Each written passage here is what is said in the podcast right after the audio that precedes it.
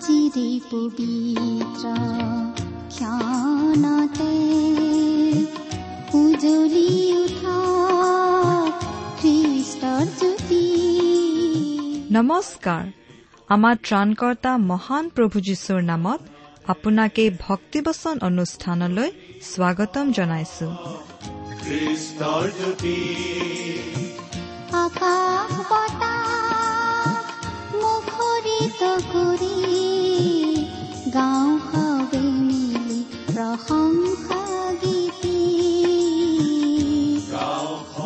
এয়া মুকলি কৰিছো ঈশ্বৰৰ জীৱিত বাক্যৰ ধাৰাবাহিক অনুষ্ঠান ভক্তি বচন।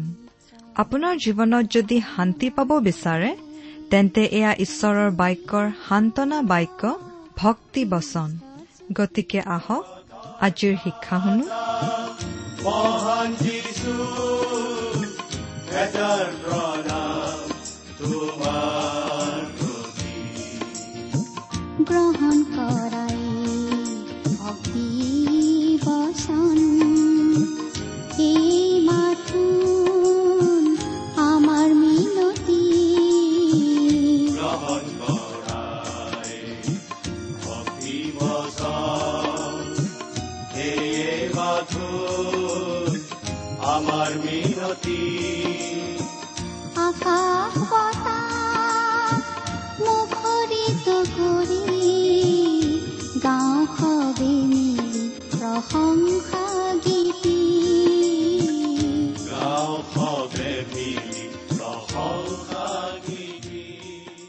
আমাৰ পৰম পবিত্ৰ প্ৰভু যীশুখ্ৰীষ্টৰ নামত নমস্কাৰ প্ৰিয় শ্ৰোতা।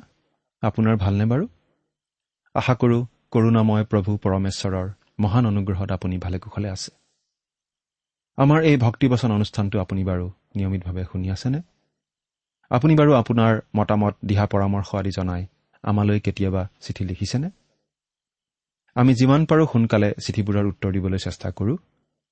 কিন্তু বিভিন্ন ঠাইৰ পৰা অহা বৃহৎ সংখ্যক চিঠিৰ উত্তৰ দিওঁতে কেতিয়াবা অলপ পলম হৈও যাব পাৰে।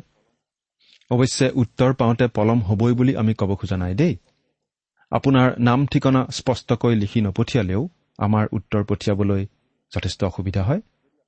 যি কি নহওক যদি আপুনি চিঠি পঠিয়াইছিল তেনেহ'লে উত্তৰ পাবই। আৰু যদিহে আপুনি এই অনুষ্ঠান শুনি কেনে পাইছে আমালৈ এতিয়ালৈকে চিঠি লিখি জনোৱা নাই তেনেহ'লে অনুগ্ৰহ কৰি লিখি পঠিয়াবচোন।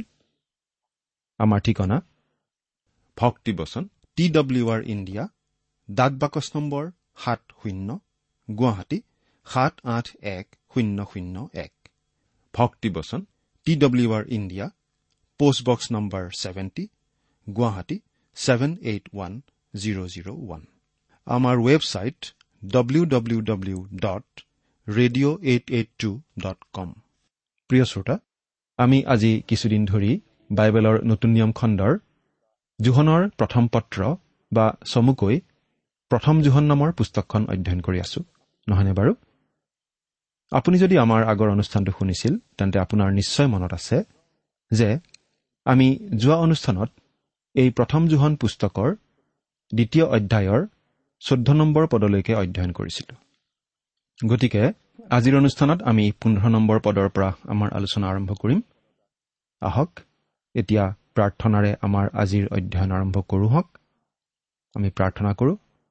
স্বৰ্গত থকা আমাৰ অসীম দয়ালু মৰমীয়াল পিতৃ ঈশ্বৰ তোমাক ধন্যবাদ দিওঁ। কাৰণ তোমাৰ বাক্য অধ্যয়ন কৰি তোমাৰ মাত শুনিবলৈ তোমাক ওচৰৰ পৰা লগ পাবলৈ এই সুন্দৰ সময় এই সুন্দৰ সুযোগ তুমি আমাক দান কৰিলা। প্ৰভু এই অনুষ্ঠান শুনি থকা আমাৰ মৰমৰ শ্ৰোতাসকলৰ কাৰণে প্ৰাৰ্থনা কৰোঁ। তেওঁলোকক তুমি বিশেষভাৱে আশীৰ্বাদ কৰা। কোনো যদি কিবা দুখত আছে তুমি আনন্দ দিয়া। কোনো যদি কিবা বেমাৰত পৰি আছে তুমি সুস্থতা প্ৰদান কৰা। তোমাৰ শান্তিজনক উপস্থিতি প্ৰতিজনকে উপলব্ধি কৰিবলৈ দিয়া। তেওঁলোকৰ জীৱনৰ সকলো দিশতে তুমি আশীৰ্বাদ কৰা। তেওঁলোকৰ জীৱন সৰ্বাংগ সুন্দৰ কৰি তোলা। এতিয়া প্ৰভু তোমাৰ বাক্য আমি আলোচনা কৰিবলৈ আগবাঢ়িছো। তুমি আমাক সহায় কৰা যাতে তোমাৰ বাক্য আমি বুজি পাব পাৰোঁ। প্ৰভু যীশুখ্ৰীষ্টৰ যোগেদি তুমি যি দান সকলোৰে বাবে আগবঢ়াইছা সেই দানৰ তাৎপৰ্য বুজি পাবলৈ আমাৰ চকু মুকলি কৰা। কিয়নো এই প্ৰাৰ্থনা ক্ৰুচত আমাৰ হকে প্ৰাণ দি আমাৰ পৰিত্ৰাণৰ পথ প্ৰস্তুত কৰা মৃত্যুঞ্জয়ী প্ৰভু যীশুখ্ৰীষ্টৰ নামত আগবঢ়ালো। আহমেদ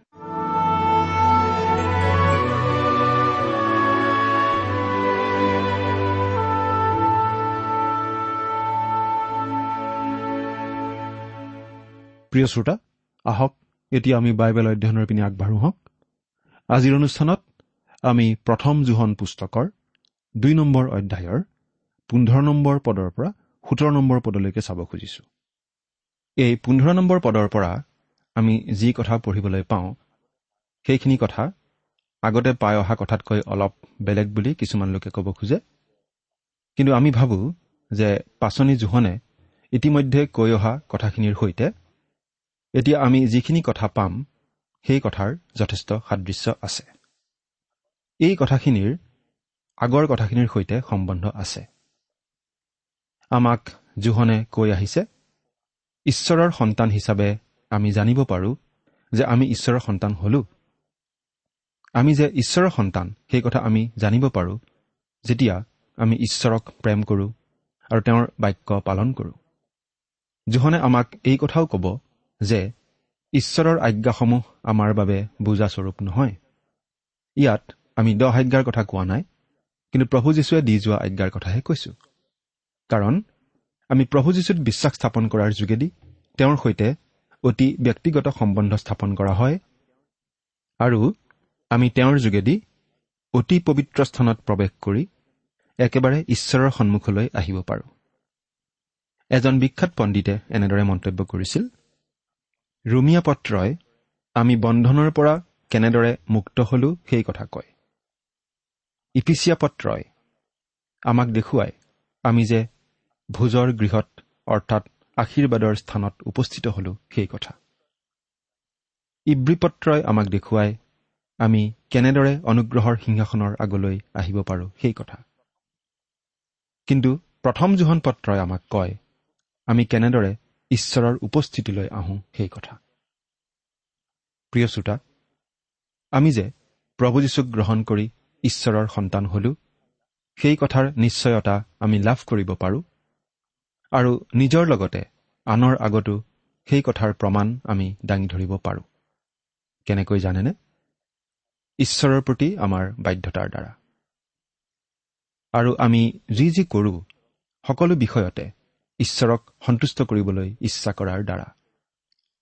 বহুতো লোকে একেবাৰে দাঁতমুখ কৰচি প্ৰতিজ্ঞা কৰি দেখুৱাই এৰা মই সকলো বিষয়তে ঈশ্বৰক মানি চলিবলৈ চেষ্টা কৰিম। তেওঁক সন্তুষ্ট কৰিবলৈ চেষ্টা কৰিম। কিন্তু এটা কথা আমি স্বীকাৰ কৰিবই লাগিব যে বেছিভাগ লোকেই প্ৰেমৰ বশৱৰ্তী হৈ সেই কাম নকৰে। নিজৰ সন্তুষ্টিৰ কাৰণেহে ঈশ্বৰক সন্তুষ্ট কৰিব খোজে। আমি ঈশ্বৰক প্ৰেম কৰা কাৰণেহে তেওঁৰ বাধ্য হ'ব খোজো। যদি আমি তেওঁক প্ৰেম কৰোঁ তেন্তে তেওঁৰ বাক্য পালন কৰিব খুজিমেই। প্ৰভু যীশুৱে এই বুলি কৈছিল তোমালোকে যদি মোক প্ৰেম কৰা তেন্তে মোৰ আজ্ঞাবোৰ পালন কৰিবা। জোহনে লিখা শুভবাৰ্তা চৈধ্য অধ্যায় পোন্ধৰ পদ। প্ৰিয় শ্ৰোতা আপুনি যদি প্ৰভু যীশুক প্ৰেম কৰাৰ কাৰণে তেওঁৰ বাক্য পালন কৰি চলে তেনেহ'লে বহুতো পাৰিবাৰিক সমস্যা নোহোৱা হৈ পৰিব। আৰু আপোনাৰ নিজৰ হৃদয়ত থকা বহুতো অনিশ্চয়তা নোহোৱা হৈ পৰিব। খ্ৰীষ্টীয় জীৱন কেনেদৰে কটাব লাগে সেই বিষয়ে কিবা ছেমিনাৰ পাতিলে বহুতো মানুহে যোগ দিবলৈ ভাল পায়। কিবা সাধাৰণ কথা অলপ জানিব পাৰিলেও বহুতো লোক সন্তুষ্ট হয়। কিন্তু আমাৰ বাবে অতি স্পষ্টভাৱে কথাখিনি জনাই দিয়া আছে বাইবেল শাস্ত্ৰৰ পাতত। আমি কেৱল অধ্যয়ন কৰিব লাগে। মানি চলিব লাগে। খ্ৰীষ্টীয় জীৱন প্ৰেমৰ ওপৰত প্ৰতিষ্ঠিত। পৰিত্ৰাণ প্ৰেমৰ সম্বন্ধতেই প্ৰতিষ্ঠিত। প্ৰেমেই খ্ৰীষ্টীয় বিশ্বাসৰ মূল ভেটি। মানৱৰ প্ৰতি ঈশ্বৰৰ যি প্ৰেম সেই প্ৰেমেই আমালৈ পৰিত্ৰাণ কঢ়িয়াই আনিলে। পাচনি জোহনে এই প্ৰেমৰ কথা আমাক পাছতো ক'ব। তেওঁৱেই প্ৰথমে আমাক প্ৰেম কৰিলে। এই নিমিত্তে আমিও প্ৰেম কৰোঁ। প্ৰথম জোহন চাৰি অধ্যায় ঊনৈছ পদ। এতিয়া আমি বাইবেলৰ পৰা পাঠ কৰি দিব খুজিছোঁ। আপোনাৰ বাইবেলখন মিলি লৈছেনে বাৰু? প্ৰথম জোহন দ্বিতীয় অধ্যায় পোন্ধৰ পদ পাঠ কৰি দিছো। তোমালোকে জগতক বা জগতত থকা বিষয়বোৰক প্ৰেম নকৰিবা। কোনোৱে যদি জগতক প্ৰেম কৰে তেন্তে পিতৃৰ প্ৰেম তেওঁৰ অন্তৰত নাই। তোমালোকে জগতক বা জগতত থকা বিষয়বোৰক প্ৰেম নকৰিবা। ইয়াত বাৰু জোহনে জগত মানে কি বুজাইছে? তেওঁ নিশ্চয় এই সৃষ্টিখনক বুজোৱা নাই। এই জগতখন আৰু ইয়াত থকা সকলো জীৱ জন্তু আদি ঈশ্বৰেই সৃষ্টি কৰিলে। যাৰ কালি গছ গছনিয়ে পাত শৰাই তাৰ পাছত আহে বসন্তকাল। গছত নতুন নতুন কুমলীয়া কুঁহিপাত ওলায় লাহে লাহে ধুনীয়া ধুনীয়া ৰং বিৰঙৰ ফুল ফুলে। সুন্দৰ প্ৰকৃতিখন চাই আমাৰ মন ভৰি যায়। এই সুন্দৰ সৃষ্টিখনক প্ৰেম নকৰিবলৈ আমাক কোৱা হোৱা নাই। আমাৰ মন জোৰাবৰ কাৰণেই ঈশ্বৰে এই সুন্দৰ জগতখন সৃষ্টি কৰিলে। বাইবেলত আমাক এই শিক্ষা দিয়া হোৱা নাই যে আমি এই জগতক ঘীন কৰিব লাগে। অৰ্থাৎ এই সৃষ্টিখনক ঘীন কৰিব লাগে বুলি আমাক শিকোৱা নাই। সুন্দৰ ফল ফুলে ভৰা এই সুন্দৰ মনোমোহা জগতখনক প্ৰেম নকৰিবলৈ আমাক কোৱা হোৱা নাই। এই সৃষ্টিখনক প্ৰেম নকৰিবলৈ কোৱা হোৱা নাই। বৰফেৰে ঢকা সু উচ্চ পাহাৰবোৰ সেউজীয়া গছ গছনিৰে ভৰা বন বননিবোৰ কুলু কুলু শব্দ কৰি বৈ অহা পাহাৰী নিজৰাবোৰ নীলা পানীৰে ভৰা বিশাল সাগৰবোৰ এই সকলোবোৰে আমাৰ চকুত তৃপ্তি দিয়ে। এই সুন্দৰ প্ৰকৃতিক লৈ কবিয়ে কবিতা লিখে। চিত্ৰ কৰে মনোমোহা ছবি আঁকে এই সুন্দৰ প্ৰকৃতি মানুহে উপভোগ কৰিব পাৰে আৰু মানুহৰ মনোৰঞ্জনৰ কাৰণেই ঈশ্বৰে এই সকলোবোৰ সৃষ্টি কৰিছে। এই সুন্দৰ জগতখনক প্ৰেম নকৰিবলৈ আমাক কোৱা হোৱা নাই। জগত মানে মানৱ জাতিক প্ৰেম নকৰিবলৈকো কোৱা হোৱা নাই। বৰং বাইবেলত আমাক এই বুলিহে কোৱা হৈছে। ঈশ্বৰে জগতক ইমান প্ৰেম কৰিলে যে নিজৰ একেজাত পুত্ৰকে দান কৰিলে যাতে যিকোনোৱে তেওঁত বিশ্বাস কৰে তেওঁ নষ্ট নহয় কিন্তু অনন্ত জীৱন পায়। জোহন তিনি অধ্যায় ষোল্ল পদ। ঈশ্বৰে জগতক ইমান প্ৰেম কৰিলে। ঈশ্বৰে জগতক প্ৰেম কৰিলে মানে কাক প্ৰেম কৰিলে? জগতৰ মানুহবোৰক গোটেই মানৱ জাতিক তেওঁ জগতক অৰ্থাৎ মানৱ জাতিক ইমান প্ৰেম কৰিলে যে নিজৰ একেজাত পুত্ৰ যীশুখ্ৰীষ্টকে জগতলৈ দান কৰিলে যাতে যীশুখ্ৰীষ্টত বিশ্বাস কৰি মানুহে অনন্ত জীৱন লাভ কৰিব পাৰে। তেনেহলে জোহনে ইয়াত জগত মানে কি বুজাইছে? ইয়াত জগত বুজাবলৈ ব্যৱহাৰ কৰা গ্ৰীক শব্দটো হৈছে কচমছ এই কচমছ শব্দটোৱে জগত ব্যৱস্থাক বুজায়। এই সুসংগঠিত জগত ব্যৱস্থাখনৰ গুৰিধৰোতা হৈছে ছয়তান আৰু জগত ব্যৱস্থাত ঈশ্বৰক স্থান দিয়া হোৱা নাই। বৰং ঈশ্বৰৰ বিৰোধীহে এই জগত ব্যৱস্থা। এই জগত ব্যৱস্থা বুলি কওঁতে জগতৰ চিন্তাধাৰা মূল্যবোধ বিভিন্ন সংগঠিত ব্যৱস্থাৱলীক সাঙুৰি ল'ব পাৰি। এই জগতৰ চিন্তাধাৰাত ব্যৱস্থাৱলী আদিত ঈশ্বৰক একাষৰীয়াকৈ থোৱাহে আমি দেখোঁ। এই জগত ব্যৱস্থাকহে আমি প্ৰেম কৰিব নালাগে। সেই কথাহে আমাক ইয়াত কোৱা হৈছে। প্ৰিয় শ্ৰোতা আমি এই কথাটো প্ৰায়েই চিন্তা কৰি নাচাওঁ আৰু প্ৰায়েই অনুভৱো নকৰোঁ যে এই জগত ব্যৱস্থা এই জগতৰ চিন্তা চৰ্চা ধৰণকৰণ আদি আচলতে ছয়তানৰ দ্বাৰা নিয়ন্ত্ৰিত। এই কথাটো আমাক বাৰে বাৰে বুজাই দিয়া হৈছে বাইবেলত। প্ৰভু যীশুৱে শিষ্যসকলক এনেদৰে কৈছিল তোমালোকে সৈতে মই অধিক কথা আৰু নহ'ম।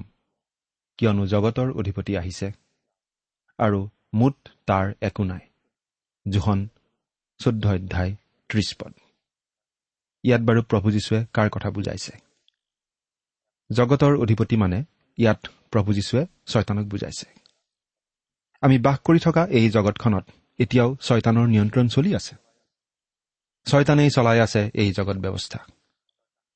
প্ৰভু যীশুক ছয়তানে অৰণ্যত যেতিয়া পৰীক্ষা কৰিছিল তেতিয়া ছয়তানে প্ৰভু যীশুক এই জগতৰ ৰজা কৰিম বুলি প্ৰলোভন দেখুৱাইছিল। সেই কথা আমি ইতিমধ্যে পঢ়ি আহিছো নহয় জানো?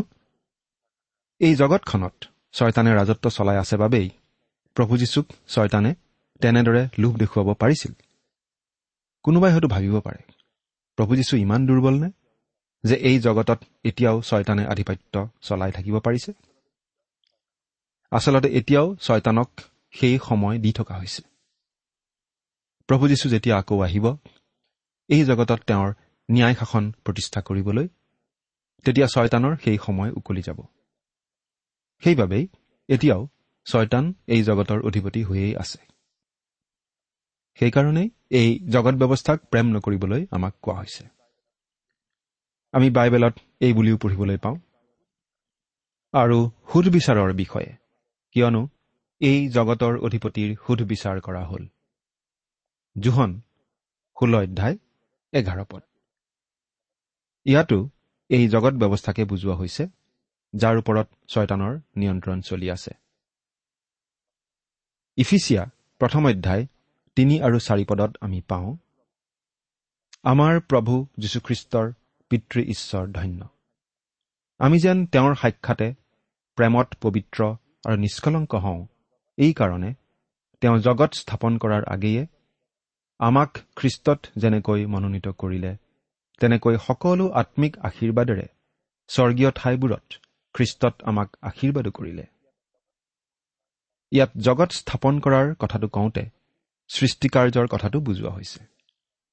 কিন্তু ইফিচিয়া দুই অধ্যায় দুই পদত আমি এনেদৰে পাওঁ সেইবোৰত তোমালোকে এই জগতৰ নিয়ম অনুসাৰে আকাশৰ ক্ষমতাযুক্ত অধিপতিৰ অৰ্থাৎ অবাধ্যতাৰ সন্তানবিলাকত কাৰ্যসাধন কৰোতা আত্মাৰ দৰে আগেয়ে চলিছিলা।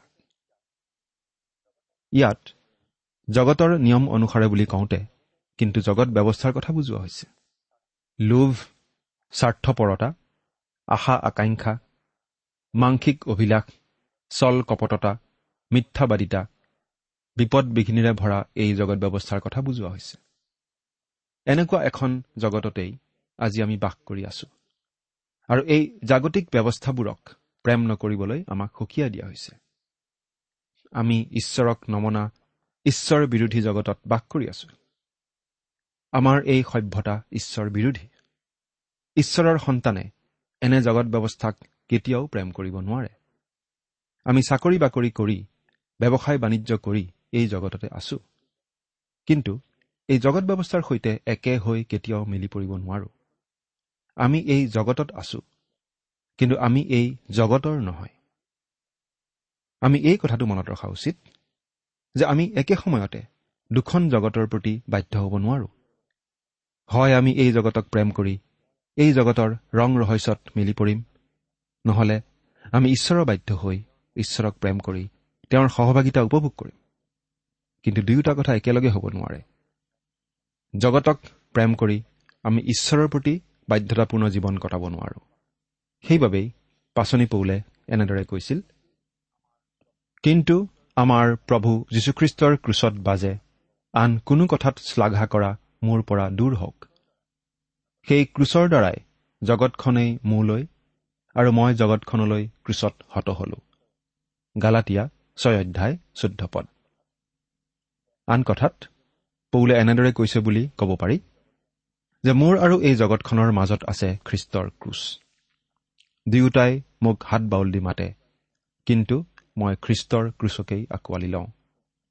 খ্ৰীষ্টীয় বিশ্বাসী হিচাপে ঈশ্বৰৰ সন্তান হিচাপে মই খ্ৰীষ্টৰ ক্ৰুচতেই গৌৰৱ কৰোঁ। কোনোৱে যদি জগতক প্ৰেম কৰে তেন্তে পিতৃৰ প্ৰেম তেওঁৰ অন্তৰত নাই। প্ৰিয় শ্ৰোতা আমি সপ্তাহৰ বাকী দিনকেইটাত ছয়তানৰ অনুগামীৰ সৈতে মিলি পৰি দেওবাৰৰ দিনা ঈশ্বৰৰ সন্তানৰ সৈতে মিলিবলৈ যাব পাৰোঁ। কিন্তু আমি মনত ৰখা উচিত।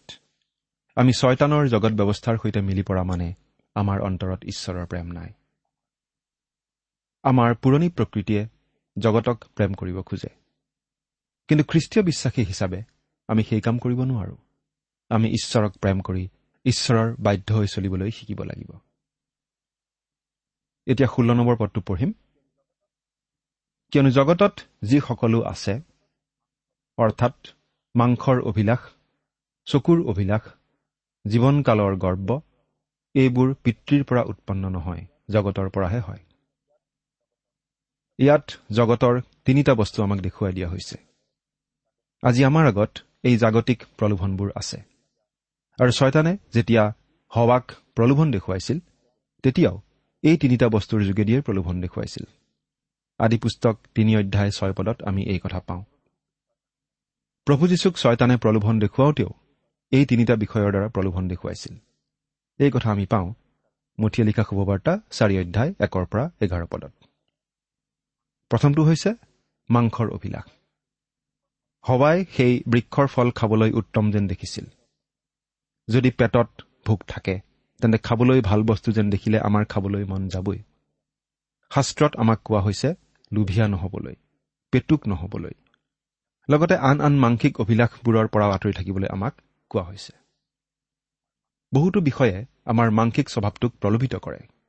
বিশেষকৈ যৌনতাৰ বিষয়টোৱে মানুহক বেছিকৈ আমনি কৰে। এই বিষয়তেই বহুতো লোক ছয়তানৰ ফাণ্ডত পৰে। প্ৰভু যীশু চল্লিছ দিন লঘোণে থকাৰ পাছত ছয়তানে আহি কৈছিল তুমি যদি সঁচাকৈ ঈশ্বৰৰ পুত্ৰ তেন্তে এই শিলবোৰক ৰুটি কৰি পেলোৱা। মুঠি চাৰি অধ্যায় দুই আৰু তিনি পদত আমি এই কথা পাওঁ। প্ৰভু যীশুৰ ভোক লাগি আছিল। ইচ্ছা কৰা হলে তেওঁ সেই কাম কৰিব পাৰিলেহেঁতেন। আমি হয়তো তেনে কৰিলোহেঁতেন। কিন্তু প্ৰভু যীশুৱে নকৰিলে। ছয়তানৰ প্ৰলোভনত তেওঁ ভুল নগ'ল।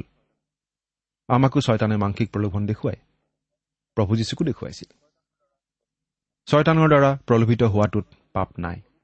কিন্তু সেই প্ৰলোভনৰ প্ৰতি সঁহাৰি দি সেই কামটো কৰাহে পাপ। এই কথাটো যৌনতা আৰু আন আন মাংসিক অভিলাষবোৰৰ ক্ষেত্ৰতো খাটে। আমাৰ জীৱনত এনে প্ৰলোভন নিশ্চয় আহিবই।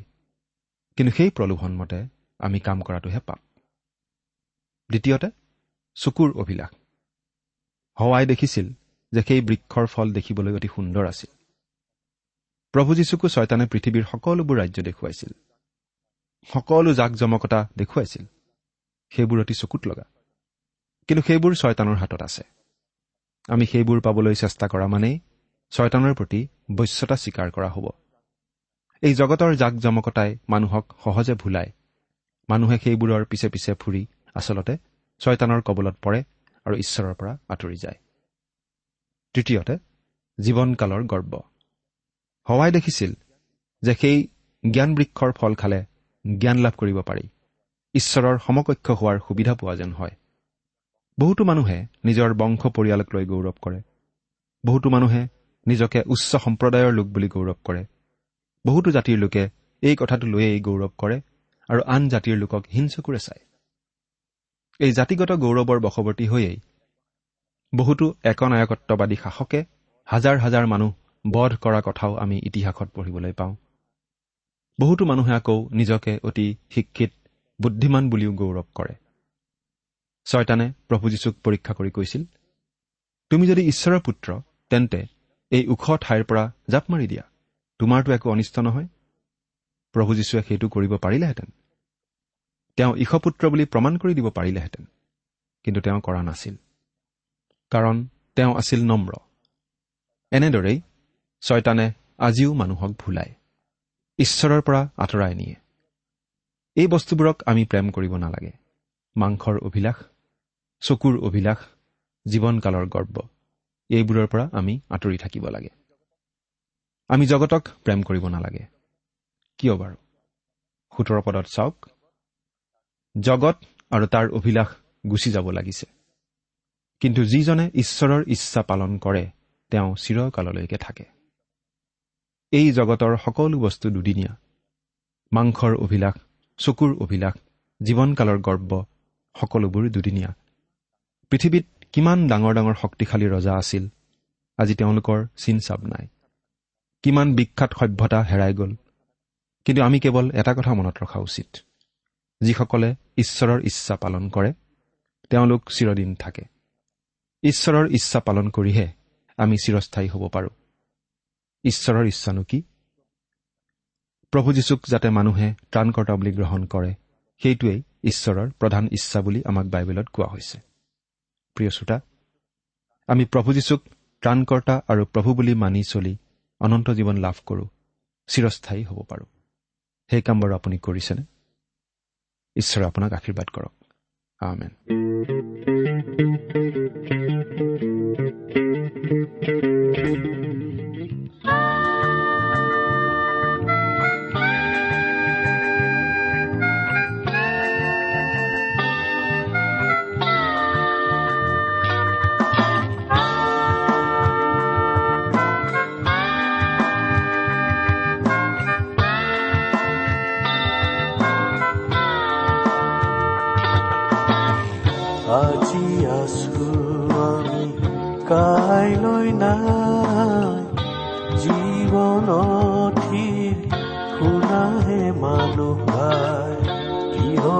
মিছাতে পৰিচিকা চাই গধূলি দেখিবা প্ৰভাত পৰহি যায়। আজি আছো আমি কাইলৈ ইমান পৰে আপুনি ভক্তিবচন অনুষ্ঠানটি শুনিলে। এই বিষয়ে আপোনাৰ মতামত জানিবলৈ পালে আমি নথৈ আনন্দিত হ'ম আমি প্ৰস্তুত কৰা বাইবেল অধ্যয়নৰ আন চিডিসমূহ পাব বিচাৰিলেও আমালৈ লিখক। অনুষ্ঠানটি শুনি কেনে পালে? আমালৈ চিঠি লিখি জনাবচোন। অনুষ্ঠানত প্ৰচাৰ কৰা কোনো কথা বুজিব লগা থাকিলেও আমালৈ লিখক। আমাৰ ঠিকনা? ভক্তিবচন ট্ৰান্স ৱৰ্ল্ড ৰেডিঅ' ইণ্ডিয়া। ডাক বাকচ নম্বৰ সাত শূন্য গুৱাহাটী সাত আঠ এক শূন্য শূন্য এক। ঠিকনাটো আৰু এবাৰ কৈছো। ভক্তিবচন ট্ৰান্স ৱৰ্ল্ড ৰেডিঅ' ইণ্ডিয়া। ডাক বাকচ নম্বৰ সাত শূন্য গুৱাহাটী সাত আঠ এক শূন্য শূন্য এক। আমাৰ ইমেইল এড্ৰেছটো হৈছে S M is T T B at the rate radio' eight eight two dot com. আমাৰ website W W W dot T W R dot in. আপুনি টেলিফোনৰ মাধ্যমেৰেও আমাক যোগাযোগ কৰিব পাৰে। আমাৰ টেলিফোন নম্বৰটো হৈছে শূন্য তিনি ছয় এক দুই ছয় শূন্য চাৰি ছয় সাত এক ফোন নম্বৰটো আকৌ এবাৰ কৈছো zero' three six one two six zero' four six seven one আজিৰ অনুষ্ঠানটি ইমানতে সামৰিছো। ঈশ্বৰৰ শান্তি আৰু অনুগ্ৰহ আপোনাৰ লগত থাকক। ধন্যবাদ। জীৱনথি শুনাহে মানুহ মিছাতে পৰিচিকা চাই গধূলি দেখিবা প্ৰভাত পৰহি যায়। আজি আছো আমি কাইলৈ নাই জীৱনথিৰ শুনাহে মানুহ